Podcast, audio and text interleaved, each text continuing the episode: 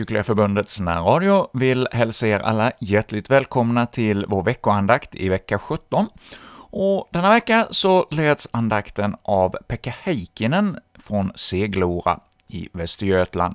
Ja, han kommer denna gång att leda oss i en andakt med eh, temat om att eh, längta och trängta efter Herren Jesus. Ja, den sanna kristna som han talar om gör, har denna längtan, och det är det han talar om i sin andakt denna gång. Och vi ska få inrama denna andakt med lite psalmsång, och den första salmen som vi ska få sjunga med i, det är salmen 466 i Svenska kyrkans nuvarande psalmbok.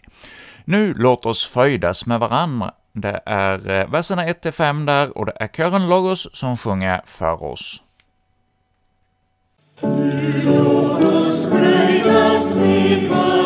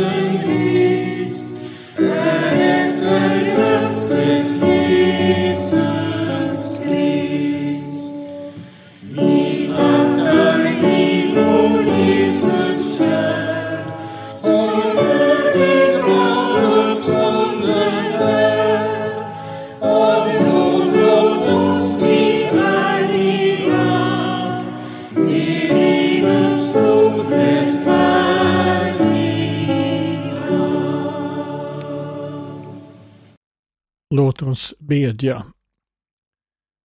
Vi tackar dig, Herre Jesus Kristus, för att vi får samlas till gudstjänst och be till dig om allt vi behöver, både till kroppen och själen, både för denna tiden och för evigheten. Vi berömmer dig för ditt bittra och oskyldiga lidande och död och för din härliga uppståndelse och himmelsfärd. Hjälp oss att av hjärtat lita på dig och få nåd till, att, till ett kristet liv. Och giv oss till sist en lycklig död och evigt liv. Amen. Därefter trånar jag i mitt innersta så slutar ett märkligt stycke i Bibeln. Det är märkligt utav flera skäl. Det är märkligt därför att det står i Gamla testamentet och inte i Nya testamentet. Det är märkligt eftersom det är, eftersom det är den lidande jobb som uttalar saken.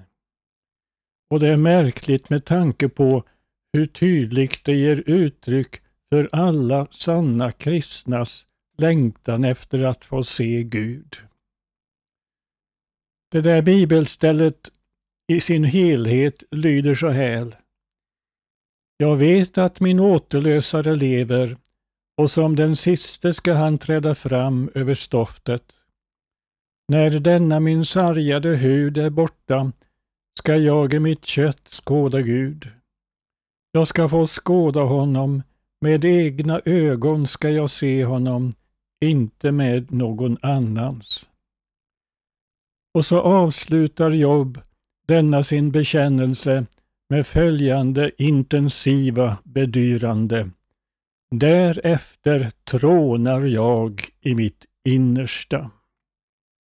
Du som lyssnar på den här predikan, känner du igen dig i de citerade orden? Om du är en sann kristen borde du göra det. Du har ju en mycket högre kunskap om din återlösare Jesus än vad Job hade. Du har ju också nyss firat långfredag och påsk och snart ska du fira Kristi himmelsfärdsdag. Du borde veta att din återlösare verkligen lever och ska träda fram också över ditt stoft. Du borde veta att han skall så förvandla sina kristnas förnedringskroppar att det blir lika hans uppståndelsekropp.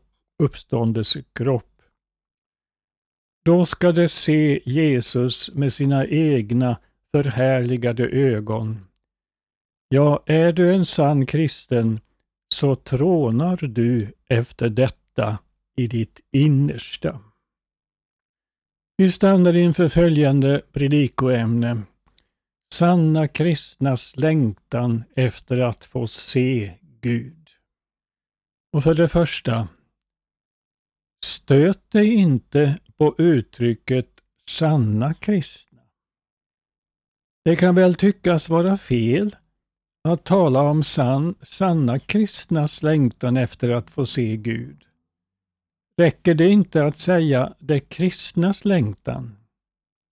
Nej, ska vi hålla oss till Bibeln måste vi precisera oss och säga sanna kristnas. För både enligt Bibeln och de kristna erfarenheterna så är det så att mycket som kallas för och anses vara äkta kristendom inte är det. Mycket är bara gammal vana eller medvetet hyckleri.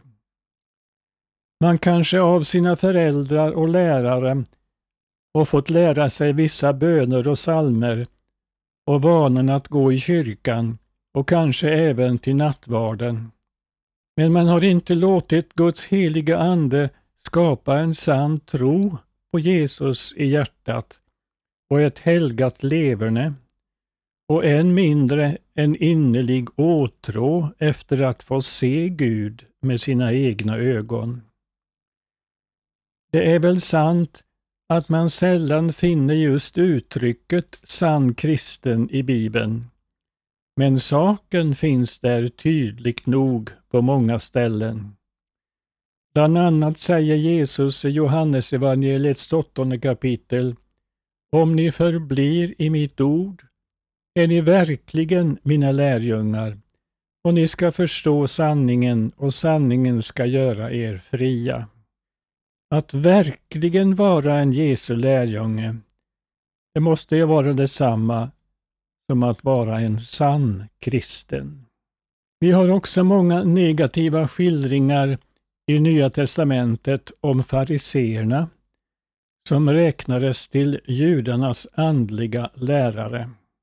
Det ansågs vara bland de gudfruktigaste, men var ofta inte det. Jesus lärde en gång hur två män gick upp till templet för att be. Den ene var en farisé och den andra en publikan, det vill säga en tulltjänsteman som hade tagit anställning hos ockupanterna, romarna, och ofta tog för mycket betalt av folk för att sko sig själva. Jesus sa, farisén stod och bad för sig själv. Gud, jag tackar dig för att jag inte är som andra människor, rånare, brottslingar, äktenskapsbrytare eller som denne publikan. Det lät väl bra när han tackade Gud för att han inte var som andra. Men han bad egentligen inte till Gud, utan han bad för sig själv. Och han berömde sig själv för att han enligt egen mening var så mycket bättre än andra människor. Publikanen bad på ett helt annat sätt. Han stod, han stod långt nere i templet och vågade inte ens lyfta blicken mot himlen utan slog sig för sitt syndiga bröst och sade Gud, var nådig mot mig, syndare. Här ser vi en av skillnaderna mellan sanna och falska kristna. Du ska akta dig för att stöta dig på den bibliska läran om sanna och falska kristna. Vi säger för ett andra, en falsk kristen längtar inte efter att få se Gud, utan är snarare rädd för det. En falsk kristen, det är en världsligt sinnad människa. Gud är ju andlig och den frälsning och den lycka som han vill ge oss människor är av andligt slag. Den falske kristne längtar inte efter det andliga utan efter det jordiska och materiella, det förgängliga. Han längtar efter pengar och andra jordiska rikedomar. Han längtar efter att få vara frisk och stark och ha framgång i sitt jordiska yrke och i sin karriär. Visst är det sant att även falska kristna vill bli saliga. De vill bli lyckliga. Denna längtan efter personlig lycka har funnits hos människorna ända från deras skapelse. För Guds mening när han skapade människorna, det var ju att göra dem lyckliga. Eller som det uttrycks i Bibeln, saliga. Och tänk så saliga Adam och Eva måste ha varit i paradiset före sitt syndafall. De måste ha varit så lyckliga att vi inte kan föreställa oss nu hur lyckliga de måste ha varit, inte ens om vi själva är sanna kristna. Men genom sitt syndafall blev Adam och Eva förvandlade i sina hjärtan och sina sinnen. Och inte bara det, utan alla deras efterkommande och därmed även vi själva, alla vi som deltar i denna andakt. Alla människor blev världsligt sinnade och fikade bara efter det som i denna världen räknas som dyrt och fint. Lyckliga vill vi visst alla bli, men vi har fått så dåligt omdöme genom syndafallet att vi tror att lyckan sitter i att vinna rikedom, framgång och ära i den korta och förgängliga världen, ja till och med i själva synden. Visst kan en sådan falsk kristen inbilla sig att han är en äkta kristen. Men skulle han genom Guds styrelse få höra ett rätt Guds ord och börja bli medveten om sin egen stora synd, ja då blir det annan ton i skällan. Istället för att högmodigt tacka Gud för att han är så bra, blir han då rädd för Gud. Då vill han visst inte få se Gud i hans helighet och vrede mot synden.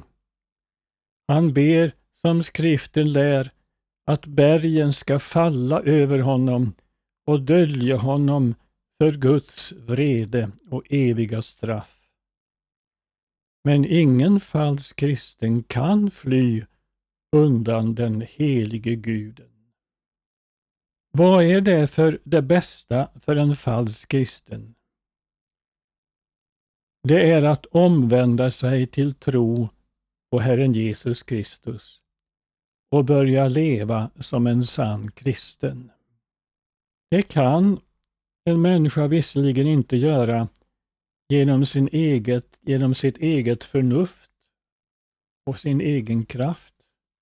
Men om han börjar att läsa och höra Guds ord med bön och flit, med lydnad och i avsikt att bli omvänd och frälst. Se, då ska Guds heliga Ande hjälpa honom att omvända sig och bli en sann kristen. Mer än en gång får en sådan sökande människa känna det som om hon aldrig skulle bli frälst och salig. Istället ser det ofta ut som om hon skulle gå bakåt istället för framåt i sin kristendom. Men om hon inte tröttnar utan fortsätter med Guds ords läsning och lyssnande så kommer hon till sist att bli övertygad om att hon har blivit en äkta Jesu lärjunge. Och då börjar hon också i sitt hjärta att längta efter att få se Jesus med sina egna ögon och ingen annans. Hon börjar tråna efter att få se Gud. Vi säger för det tredje och sista.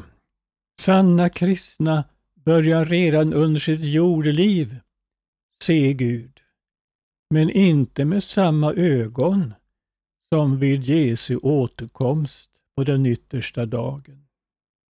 Så snart en människa har blivit omvänd till en sann kristendom så börjar hon se Gud, nämligen med sitt hjärtas ögon.